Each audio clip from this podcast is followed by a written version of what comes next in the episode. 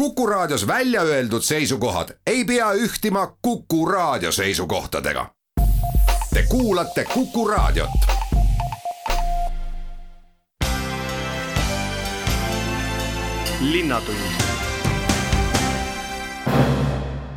tere päevast, Linnatund alustab. stuudios on saatejuht Ulla Lents ja ütlen kohe tere meie tänasele esimesele külalisele, kelleks on Tallinna volikogu revisjonikomisjoni esimees Anto Liivat, tere Anto! tervist! no volikogu kevadine tööhooaeg on küll läbi saanud. et enne sügist te tõenäoliselt kokku ei tule, et kui nüüd sellele hooajale ja revisjonikomisjoni tööle tagasi vaadata, kui edukas oli ja kui palju oli kogu töö häiritud sellest, et koroonakriisi tõttu ikkagi vahepeal päris tavapäraselt ju koguneda ei saanud?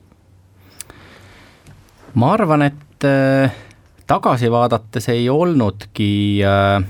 komisjonide töö ülemäära palju häiritud, sest me suutsime üsna operatiivselt äh, komisjoni koosolekuid hakata läbi viima virtuaalkeskkonnas ja selle eest ma tahan kõiki kolleege tänada ja tunnustada nii neid, kes aitasid neid koosolekuid läbi viia, kui ka kõiki, kes eh, võtsid vaevaks kiiresti kohaneda ja ümber õppida, sest midagi teha ei ole, tõenäoliselt eh, muutis just mõtteviisi osas, mitte ainult Tallinna linnas, aga ka paljudes teistes organisatsioonides Covid Äh, umbes äh, ühe kuni kahe kuu jooksul seda, äh, noh, mis oleks juhtunud kümne aasta jooksul nagunii. nüüd aga on see kogemus olemas, mõnevõrra murettekitav oli tõtt-öelda küll see, et Tallinna linnavolikogu juht oli üksjagu tõrges viima läbi virtuaalruumis linnavolikogu koosolekut ja esialgu vähemasti oli ta veendunud, vaatamata Rahandusministeeriumi ja õiguskantsleri hinnangutele, et eh, virtuaalruumis volikogu koosoleku läbiviimine ei ole seaduspärane, õnneks ehm, veendus ta hiljem opositsiooni survel vastupidises ja, ja ka virtuaalruumis said volikogu koosolekud, arutelud peetud, mis ma arvan, on, on hea uudis. Ja lõpuks Tallinna linnas juhtus see kõigele vaatamata isegi enne kui Tartu linnas nojah, ja lõppkokkuvõttes saite ju paika ka selle eh, virtuaalruumis hääletamise, et eh, teie ei teinud nii, nagu mulle kirjeldati, et eh, Euroopa Parlamendis, et teed pildi ja siis saadad kohale ja siis lõpuks loetakse hääled kokku oleme ausad, eks ta oli auküsimus ka eh, Tallinna linnale kui Eesti kõige suuremale omavalitsusele, aga tõtt-öelda ikkagi Eestile kui eh, digiriigi eh, kuvandist palju kasu lõikavale riigile, et me suutsime tõestada oma võimekust töötada ise nii, nagu me ka teistele õpetame no ma saan aru, et kõigile volinikele see mitme keskkonna kasutamine alguses ei olnud väga lihtne või ei tulnud välja? kindlasti ja ega minagi e, ole harjunud nii palju virtuaalruumis töötama, kui ma seda e, koroonapandeemia ajal tegema pidin. ma arvan, et tagasiteed suures plaanis enam ei tohiks e, olla. ma usun, et linnavalitsus kindlasti liigub samm-sammult järjest sinnapoole, et oma tööd korraldada nii-öelda hübriidmeetodil ja kõigiks kohtumisteks ei olegi näost näkku vaja kokku tulla. linnavolikogu täidab ka teatud äh, traditsioonide kandja rolli linnas, sestap äh, ma arvan, et vähemalt valdavas osas võiksid äh, volikogu istungid toimuda traditsioonilisel moel, aga komisjonide tööd Äh, oleks täiesti otstarbekas äh, korraldada ka virtuaalkoosolekutena senisest rohkem, nii et ma komisjonide töö puhul arvan äh, küll, et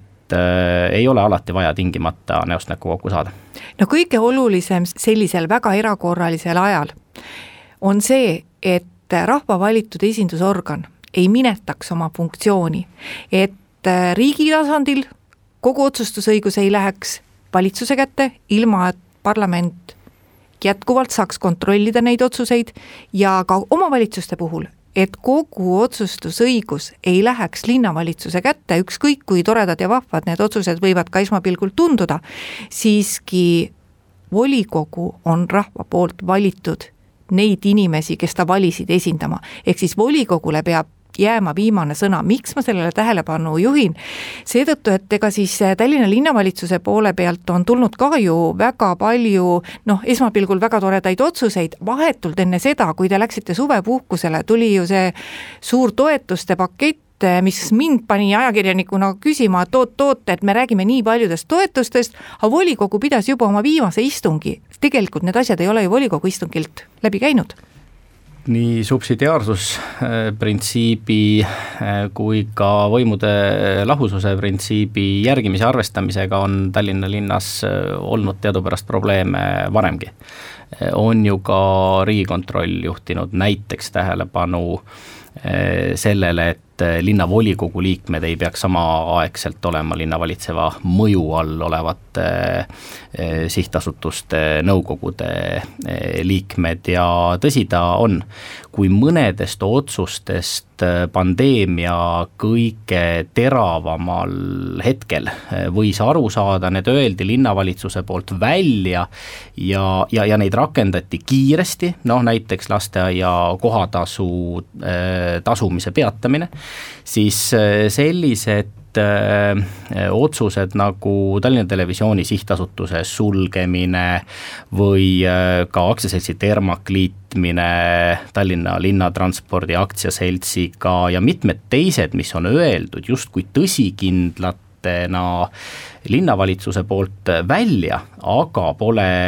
volikokku kokku kas veel jõudnud või äh, jõuavad mõned nädalad hiljem, pärast seda, kui linnavalitsus on need välja öelnud, ei saa pidada kuidagi äh, heaks äh, tavaks. Ja, ja minu arust on tõepoolest murettekitav see, et linnavalitsuse poolne kiire ainuotsustamise tava on nüüd üle kandunud ka pandeemia järgsesse olukorda. nii et need otsused, mis on volikogu arutada, volikogu otsustada, eh, tuleks ka volikogul võimaldada läbi arutada, enne kui need avalikkusele välja öeldakse ja ma saan aru sellest, kui äh, opositsiooni olukorras, kus üks erakond ikkagi linna juhib, ülemäära ei kaasata, aga tõtt-öelda selline linnavalitsuse käitumine räägib üht-teist kindlasti ka suhtumisest linnavolikogu juhti ja, ja keskfraktsiooni fraktsiooni äh, linnavolikogus? no ma praegu ei saagi päris täpselt aru, et äh, kui nüüd terve see hulk toetusi, mis siin linna, linnavalitsuse viimasel istungil välja öeldi ja mis äh, neelavad mis on ühelt poolt küll head ja vajalikud ilmselt, aga mis neelavad väga palju raha. Ja täna me ju ei oma teavet selle kohta, kas Tallinna maksulaekumine aasta lõpuks kujuneb selliseks, nagu eelarvet kokku pannes arvestati, et eh, kuna tekivad uued kulutused, võib-olla tulud ei laeku samal viisil, siis nii ehk teisiti on ju vaja ka lisaeelarvet, et eh, kas selle koha pealt volikogule linnavalitsuse poole pealt on ka mingisugune indikatsioon tulnud, et kas tulevad mingid numbrid, kas hakatakse arutama lisaeelarvet ja, ja mis sinna sisse võiks minna? lisaeelarvet äh, arutada kindlasti tuleb ja lisaeelarvet ka välja on lubatud linnavalitsuse poolt, linnapea andis viimasel istungil ka volikogule ülevaate linna finantsseisust ning Äh, prognoosidest, sealhulgas siis üksikisiku tulumaksu laekumise prognoosist, võib arvata senise parema teadmise põhjal, et ähm, eelarveauk linna jaoks on umbes suurusjärgus nelikümmend miljonit eurot, aga ega keegi lõpuni päris täpselt ei tea. rõõmustav on muidugi see, et linna finantsseis on hea, Tallinna linnal on plaanis kasutusele võtta Äh, seniste lepingutega juba garanteeritud äh, laenuraha, Tallinna linnal tegelikult on võimekust äh, laenata võtta veel kuni suurusjärgus pool miljardit eurot, vaevalt et selliste ettepanekutega keegi täna välja tuleb.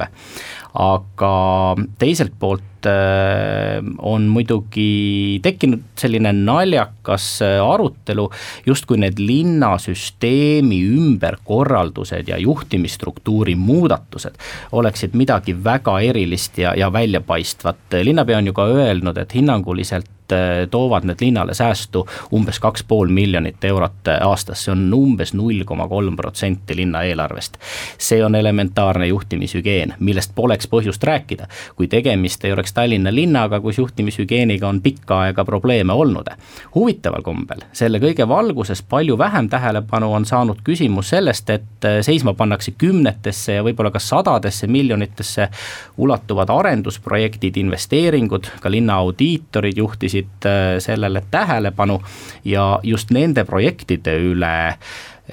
Tallinna Haigla, linnahall, Estonia puiestee tunnel, võib-olla ka Tallinna, Tallinn-Helsingi püsiühendus peaks toimuma sisuline arutelu. ma arvan, et linlase elu ei mõjuta kuigivõrd ei Lutreola Energiaagentuur ega linnasüsteemi loodud keskerakondlaste koolituskeskus ja kui tegemist ei ole tõsise munitsipaalgurmaaniga, siis ei ole ta tõenäoliselt neist ka midagi kuulnud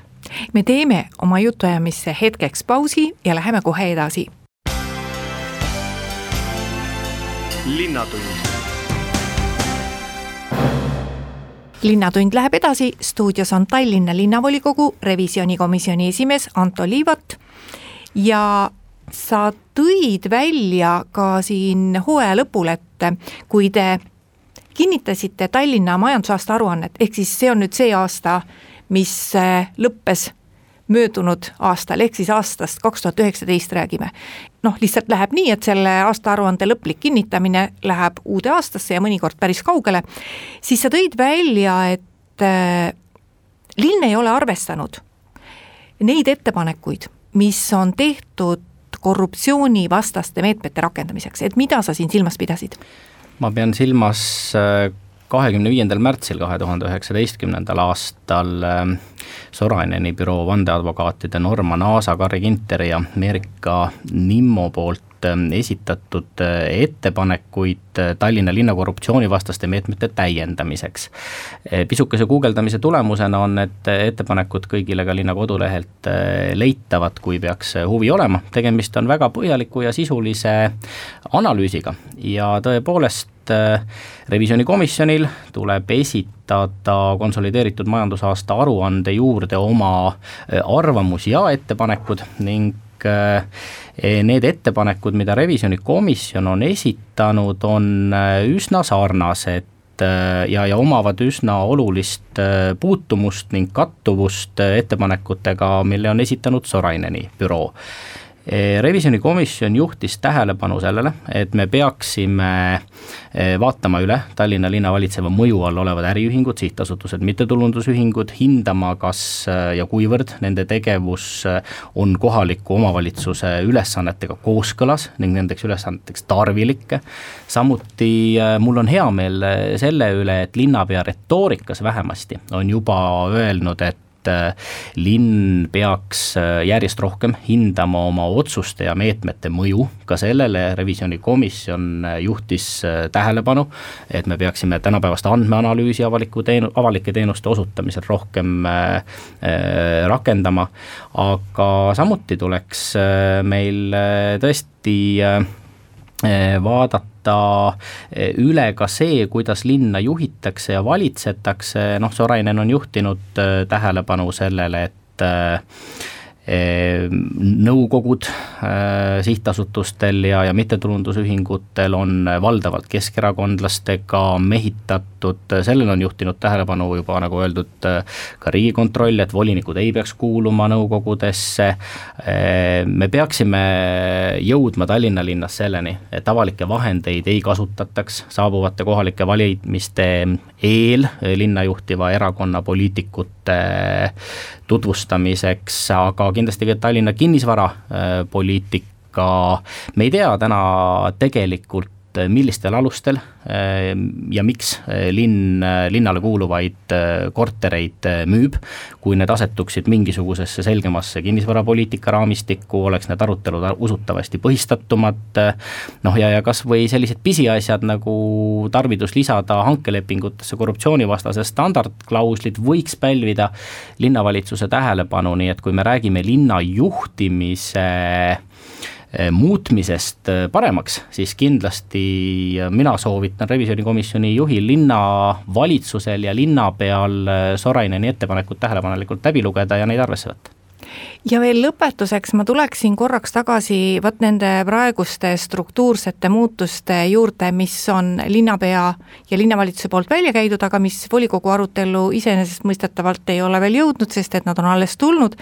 noh, mis puudutab äh, ka allosakondade liitmist, ka võimalikku ametite liitmist, no ma isiklikult nüüd väga ärevusse sellest ei satuks, sest ma ütleksin, et taasiseseisvumise aja jooksul on neid liitmisi ja lahutamisi tehtud ikka ja ma ei ole kunagi näinud ühtegi konkreetset mõõdikut, et mis siis paremaks on läinud, et noh, räägitakse kulude kokkuhoiust, ma isegi ei ütleks, et see kulude kokkuhoid kõige tähtsam asi on, et kui selle tulemusena eh, antakse linnaelanikule paremat teenust ja kodanikud saavad paremini teenindatud, siis võib-olla teinekord võivad ka kulud suuremad olla. et ma ei tea, kas sa oled ajapikku vaadanud pikaajalise volikogu liikmena, et kas selliste muutuste puhul on ka mingisugused mõõdikud pärast, et mis siis paremaks läks ja mida sa üldse arvad sellest liitmisest? ma arvan, et on äh, paslik äh, linna juhtimisstruktuuri ja toimimismehhanisme ümber vaadata, sest seda ei ole põhjalikult väga pikka aega tehtud. Ja küllap ka sellepärast kõik sellesuunalised sammud, olgu või äh, lühikesed äh,, pälvivad äh, meedias ka üsna palju äh, tähelepanu näiteks linnapea otsealluvusse linna strateegiakeskuse loomise mõte on äh, sisuliselt minu arvates äh, hea mõte. strateegiakeskus peaks siis saama ülesandeks äh, tõsta linna konkurentsivõimet, meelitada siia investeeringuid, tõsta avalike teenuste kvaliteeti ja, ja sellised asjad võiksid olla linnapea otsealluvuses, aga noh, see on kindlasti ka üks otsuseid, mille taustal terendab äh, jälle üks äh, selline poliitiline valik, ma arvan, et Äh, strateegiakeskuse linnapea alluvusse toomise tagajärjel kaotab oma töö ettevõtlusinnovatsiooni abilinnapea Aivar äh, Riisalu, kelle portfelli seejärel enam kuigi palju tegevusi ei jää, aga veel kord, ma saan aru, et linnavalitsus esitab volikogule sügisel äh, põhjalikuma plaani. Ja kui ma seda plaani näen, oskan ma ka öelda, mida siis tegelikult plaanitakse teha ja, ja kui palju plaanitakse teha. täna tunduvad eh, kõik väljaütlemised eh, tõesti pigem kosmeetilist laadi, aga ma tahaksin loota parimat. aitäh, Anto Liivat tulemast Linnatunni saatesse, meie teeme siinkohal oma jutuajamistesse natuke pikema pausi. kuulame ära Kuku raadio poolesed uudised ja siis on meil juba teised vestlusteemad ja teised vestluskaaslased linnatund. Nõmme linnaosa valitsus tellib suvekuudeks turvapatrullteenuse. Nõmme linnaosa vanem Grete Sillis, tere päevast, kas olukord on Nõmmel selline, et täiendavaid patrulle on tarvis? tere, ei, varasemalt äh, Nõmmel ei ole patrullteenust tellitud, kuid äh, seoses nüüd äh, läinud koroonaviirusega on ikkagi elanikel kõrgendatud nõudmised ja üheks põhjuseks on ka see, et me turvapatrulli kaasame ja selle kasuks otsustasime. et oluline on kindlasti ära märkida, et me ei võta patrulli sellepärast, et Nõmmel oleksid kuskil avaliku korra rikkumised muutunud suureks ja tõsiseks probleemiks, vaid sellepärast, et selliseid probleeme ei saaks üldse tekkidagi. aga kui inimesed muretsevad selle üle, mis avalikus ruumis juhtub või mis seal toimub, siis mis need asjad on, mis neid murelikuks teevad? No peamiselt Nõmmel on ikkagi probleemiks just avaliku korra rikkumised puhke- ja virgestusaladel, mis on seotud ikkagi alkoholi tarvitamisega. ja, ja sellest tulenevalt äh, me tegelikult vajame ka patrulli nii-öelda koostööd, et neid ähm, ähm, mõnusas olengus laaberdajaid korrale kutsuda, sest avalik ruum peab olema turvaline ja kasutatav kõigile. aga kahjuks äh, alkoholijoobes inimestel kaob äh, enda tegevuse üle kontroll ning see, noh, see omakorda võib levitada ka tegelikult siiani meie kestal olevat koroonaviirust sealhulgas mis need sellised kõige probleemsemad kohad on, et kus on need paigad, millele tuleb eriti tihti pilk peale visata? jah, et äh, probleemsed kohad me oleme kaardistanud äh, ja, ja nendest ju tegelikult igapäevaselt linnaosavalitsusele, aga ka munitsipaalpolitseile ja politseile elanikud ju ka teavitavad. Ja sellest lähtudes me tegelikult selle turvateenistuse nii-öelda logistilise plaani äh, ka koostasime, et kõige suuremat rõhku me panemegi tegelikult avaliku korra järgimisele just Nõmme keskuses, just Nõmme jaama kõrval asuvad pargid, aga ka Ema park, üliõpilaste sild, Vanaka nõlv ja Männiku piirkond, just ennekõike see Pihlaka Kauga tänava piirkond kuidas see siis praktiliselt äh, välja näeb, et äh, mida te sellelt patrullilt ootate, et noh, tõenäoliselt mitte seda, et ta nüüd kogu aeg kusagil seisaks ja inimeste tegevusel pilku peal heidaks, aga, aga mida te tahate, et nad teeksid ja kui tihti teeksid? Jah, et patrullteenus on siis igapäevane teenus, ta teostab äh, siis äh, patrulli päeva jooksul kaks korda. Äh, rõhku just on pandud ennelõunasele ajale ja õhtusele ajale. Ja seda tehakse mitte ainult autoga liigeldes, vaid ka jalgsi koha peal ja tegelikkuses äh, teenuse osutajal ja linnaosavalitsusel on äh, selles mõttes selline tagasiside võimalusvorm, et me tegelikult äh, pidevalt vaatame ka üle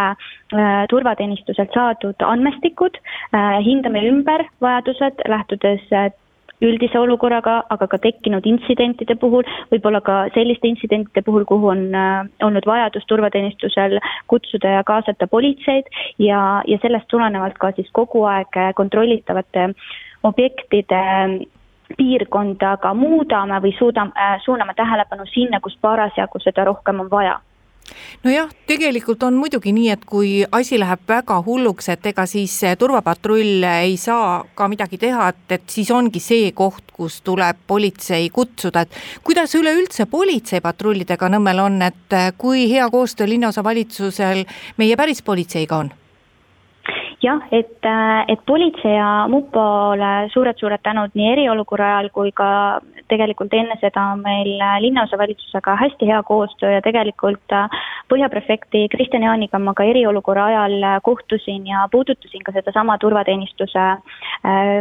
nii-öelda lisa täiendava mm, teenuse võtmist ja, ja, ja tegelikult see koostöö on väga hea ja, ja, ja see info äh, nende instantside vahel äh, liigub äh, väga kiiresti, et et meie nägemus on see, et turvapatrull annab meile nii-öelda täiendava lisajõu veelgi seda koostööd ja omavahelist tööd paremini ära jaotada. No vot, kui me juba sellest koroona temaatikast rääkisime, siis eks see periood on meid kõiki pannud mõtlema ja eks ta ole meile kõigile midagi õpetanud, et äh, kui keeruliselt elas selle aja Nõmme linnaosavalitsus üle? noh, ütleme, ütleme nii, et veel on vara teha kokkuvõtteid, sest tegelikult ka praegu äh, me endiselt ähm, Nõmme linnaosavalitsuses ja oma hallatavates asutustes nii teenuste osutamisel kui ka elanikega suhtlemisel, nii kultuuri huvitegevust läbi viides äh, jätkame konservatiivset joont ja vaatamata sellele, et äh, mingites ähm, ähm, mingitel teemadel on võib-olla piiranguid lõd-, lõdvendatud, siis me siiski veel hoiame seda, et linnaosavalitsus äh, suveperioodil äh, küll päris vaikeelu ei ela, aga, aga selles mõttes, et te-, pigem oleme me keskendunud selles mõttes tegevustele siin kohapeal, sest et me peame arvestama ka seda, et inimesed on äh, suure tõenäosusega sel suvel rohkem just äh, kodukohtades ja kodupaikades, aga linnasvalitsusel on vaja pakkuda mitmesuguseid teenuseid, äh, alates selles mõttes lastest lõpetades eaka vanusegrupiga. Ja teenuste osutamisel linnaosavalitsuse poolt on e-kanalid toiminud hästi, kõik kliendid on saadud teenindatud ja seejuures on järgitud enesekaitsevahendeid no kuidas teil on, et äh, kas inimesed on sellega nõus, et äh, tuleb ajada asju rohkem e-kanalite ja telefoni teel või on ikkagi selliseid kliente ka, kellel hirmsasti meeldib seal linnaosa vanema jutul käia ja tahaks kohe ikka jälle kohale tulla? ja tõsi, et, et pigem võib-olla täheldakski seda, et inimesed tahavad suhelda ja, ja olenemata sellest, et kas nad Eh, tahavad suhelda mingitel tähelepanekutel, mida no, neil on olnud nüüd äh, aega võib-olla, millele on rohkem tähelepanu pööratud, aga tegelikkuses äh, seda nüüd, et et keegi Äh, oleks jäänud äh, teenusest osutamata või et äh, see suhtlus kuidagi ei oleks toimunud, et seda on alati olnud võimalik, linnasavalitsus pole kordagi olnud eriolukorra ajal suletud, ta on pidevalt lahtiolekute aegadel olnud avatud ja võimalust inimestel tulla, külastada meie asutust, suhelda või saada teenuseid linnaametnikelt on kogu aeg olemas no praegu kõik linnaosad üksteise võidu on teatanud ka sellest, kuidas sellel kevadel praktiliselt tehti topeltkoristus, sest et noh, tehti ju selliseid asju, mida tavaliselt kunagi ei tehta, et enamasti ju puhastatakse tänavaid, sedapuhku ju pesti pinke üle, mõnes kohas isegi kaks korda ja desinfitseeriti neid mänguväljakuid, et kas sellega peaks edasi minema või pigem ikka on targem soovitada inimestele, et peske käsi, sest ega ju viimastki, iga üksikut viimast asja siin linnaruumis ei saa ju ka kogu aeg desinfitseerida.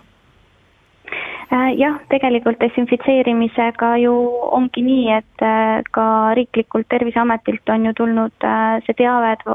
et vabas õhus, selles mõttes õhu käes viirusnakkus levib, haihtub erinevatel pindadel siis kuni seitsmekümne kahe tunni jooksul, ehk siis piltlikult öeldes pärast iga ähm, mänguväljaku külastamist oleks meil kohustus desinfitseerida ja, ja see kindlasti ei oleks otstarbekas, et pigem äh, me olemegi ähm, äh, seda lahendanud selliselt, et äh, inimestes kogu aeg seda teadlikkust tõstnud, et, et nad oleksid hoolsad ja äh, hügieeninõuete järgimise osas äh, ja, ja isiklikult arvan, et äh, see on see, mida me kindlasti sellest koroonast võtame kaasa, et äh, kindlasti see saab olema selles mõttes äh, igas asutuses täiesti tavapärane, et meil on sellised ähm, desinfitseerimisjaamad, kus meil on alati võimalus oma käsi desinfitseerida. linnatund Tallinna Linnamuuseum kutsub lapsi vanalinna vennaskonna linnalaagrisse. siinkohal ütlen mina tere, pedagoog Aet Laast, tere Aet! tere! no kõigepealt äkki, enne kui me hakkame sellest laagrist rääkima, et äkki vajaks selgistamist, et eh, mis asi see vanalinna vennaskond on? No meie vanalinna vennaskond äh, on juba aastaid tegelikult siin linnalaagreid pakkunud ja mitte ainult linnalaagreid, vaid ka ajaloo süvitsi uurimise võimalust muuseumi ringis. et see on selline bränd, mis on äh, ajaloo õpetamise põnevaks tegemiseks ja see põnevaks tegemine tähendab mõneti ka seda, et äh, sa mitte ainult ei kuula, kuidas kunagi oli, vaid sul on endal mingil viisil mingisse vanasse aega võimalik tagasi minna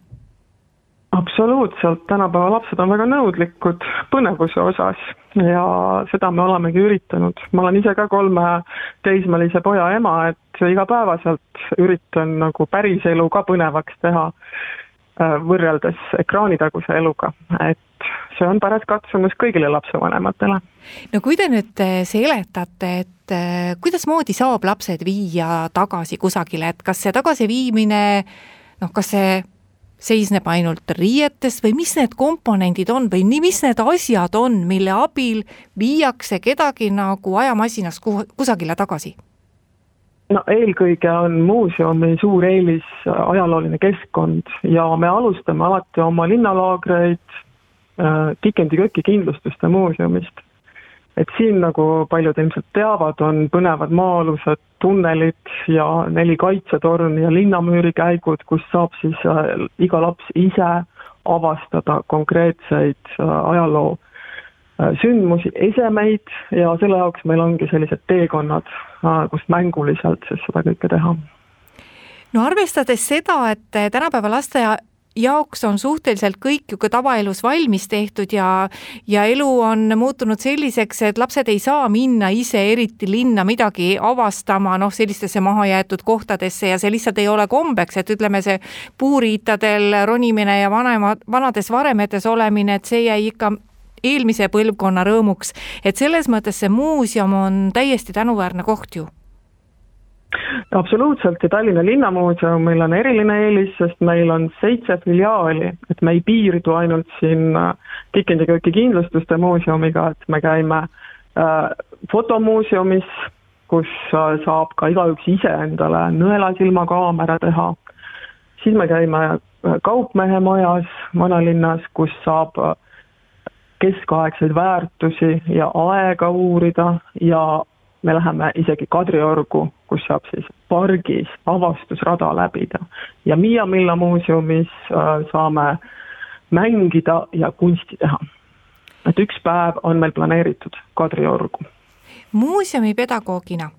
kas äh, lastes selline huvi äratamine, et on see keeruline, noh, ma arvan, saan aru, et lapsed on hästi erinevad, et äh, mõni ongi võib-olla selline ajaloohuviline ja teda ei olegi väga palju vaja tagant togida, aga et nüüd, kui nad istuvad meil ju hästi palju nutitelefonide ees, mitte et seal ei saaks ajalooga tuttavaks saada, aga ikkagi, et kui palju on seda soovi äh, olla füüsiliselt ise mingis tegevuses ja mitte ainult imiteerida või vaadata seda tegevust eh, virtuaalselt, et kui palju on tahtmist ise teha, et peab selleks palju taga to togima ka? no meil on selle jaoks, pedagoogidel on oma metoodikad, kuidas siis mänguga haarata laps nii, et ta ei pane seda ise tähelegi, et ta juba on hakanud äh, kaasa mängima ja iseendale midagi tegema. Meil on päris palju loomingulisi tegevusi, kus igaüks saab siis vastavalt oma võimetele äh, proovida ka ise äh, teha, nagu näiteks Kikendi äh, köökis teemegi iseendale maski, et seal on ka valikuvabadus, et me väga konkreetselt ette ei kirjuta, ainult õpetame, kuidas teha. No see kolmepäevane laagrivahetus tundub, et on hästi intensiivselt tegevust täis nii on ja meie praktika on varasematest laagritest näidanud, et kahest päevast jääb väheks, et nüüd me otsustasimegi päeva võrra pikendada oma linnalaagrit. kas äh, on vajalik ka, et nii-öelda üks tegevus täiendab teist või pigem lastele meeldib, et me läheme uude kohta, me läheme täiesti teistsuguse tegevuse juurde ja et noh, et äh, see, mis eelmises kohas oli, et sellega lõpp just seal täpselt lõppeski, kus oli me katsume siduda, et ikka selliseid linke erinevate muuseumide vahel, erinevate tegevuste vahel, et praegu on selleks raamistavaks teemaks siis äh, maskid. et tõenäoliselt selle aasta jooksul on paljud saanud enda jaoks maski teema täiesti uuelt, uue nurga alt äh, selgeks ja tahavad juurde uurida. et see maskimäng muuseumis, mis on selle aasta laagri pealkiri või selle aasta laagri teema, et see on siis inspireeritud meie nii-öelda sellest koroonakriisist tegelikult oli see teema meil enne kriisi juba paika pandud, sest meie muuseumis on väga palju erinevaid maske, alates katkutohtrist kuni gaasimaskideni, sest bastionikäikudes on tsiviilkaitsest põhjalikult juttu. et tegelikult jah, tuli nagu saatus meile järgi, mitte vastupidi seega inimkond on oma ajaloo vältel neid maske pidanud tarvitama ikka päris mitmel puhul? absoluutselt ja sellest me ka räägime lastele siin ka, ka haridusprogrammides, mitte ainult linnalaagris, vaid laiemalt, et läbi ajaloo on kõik kogu aeg juba varem olnud kasutusel. miks ja kuidas, sellesse siis süveneme kui palju eh, tavapärase kooliaja jooksul, noh siis, kui me muidugi oleme ikka normaalselt koolis, mitte ei ole seal virtuaalõppel, et kui palju meie õpetajad kasutavad ära neid võimalusi, mida saab muuseum pakkuda ja kui palju kasutatakse ära ka neid oskusi ja teadmisi, mis on olemas just muuseumi pedagoogidel äh,? olles ise suhteliselt kogenud nüüd juba kümme aastat muuseumi pedagoogina, siis tendents on järjest äh, aktiivsem muuseumide külastamine äh, ka õpetajate poolt. Ja selle tõttu on meil ka sarikülastuseks soodustus, et kui kolm korda Tallinna Linnamuuseumi filiaale külastada, siis on ka pilet odavam, et seda stimuleerida no kuidas nüüd on, et esimene laagrivahetus algab juba kolmekümnendal juunil, et kas laste ja lapsevanemate huvi on suur või, või kuidas teile üldse tullakse, et kas lapsevanemad leiavad üles teie linnalaagrid, kas õpetajad soovitavad või lapsed ise tulevad koos sõpradega ja tulevad ka mõned sellised, kes eelmistel suvedel käinud on? ja just nii, meil on täiesti lojaalseid äh, vennaskondlasi, mis, mis teeb meie elu muidugi põnevaks, sest me peame iga kord midagi uut pakkuma. aga on ka neid, kes tulevad esimest korda ja see, et võetakse sõber kaasa, äh, on väga tore, et siis on sõprusel ka kohe uus äh, väljakutse ja, ja on kohaneda kergem. aga hetkel on päris palju juba registreerunud, meil on nüüd kaks vahetust üks on juuni lõpust, kolmekümnendast alates ja teine on augusti lõpus. et tasub aegsasti ära registreerida, et mitte kohast ilma jääda. Kogu see teave on Linnamuuseumi kodulehel iseenesest äh, mõista olemas, aga kui suured teie grupid on, kui paljude lastega koos saab tegutseda, sest et kõik muuseumiruumid ei ole ju väga suured ja noh, praegu meil on ju veel see suur eh, vahehoidmise nõue ka, et ei tohi väga kuklasse hingata üksteisele, et kas see paneb ka nagu kohustuse võtta natuke vähem lapsi sinna laagrivahetusse äh,? jaa, no tegelikult äh, meil on äh, kohtade arv veel rohkem piiratud kui varem ja meil on oma metoodikad, kuidas me seda gruppi sedasi hajutame eks erinevaid tegevusi tehes, et seda me oleme jõudnud juba harjutada siin juunikuu jooksul, et äh, üle viieteistkümne lapse ühes grupis päris kindlasti ei ole. ja ongi Linnatunni jutud tänaseks räägitud. saatejuht ütleb ka kuulajatele aitäh kuulamise eest ja järgmine Linnatund on ikka jälle eetris järgmisel neljapäeval. Kuulmiseni. linnatund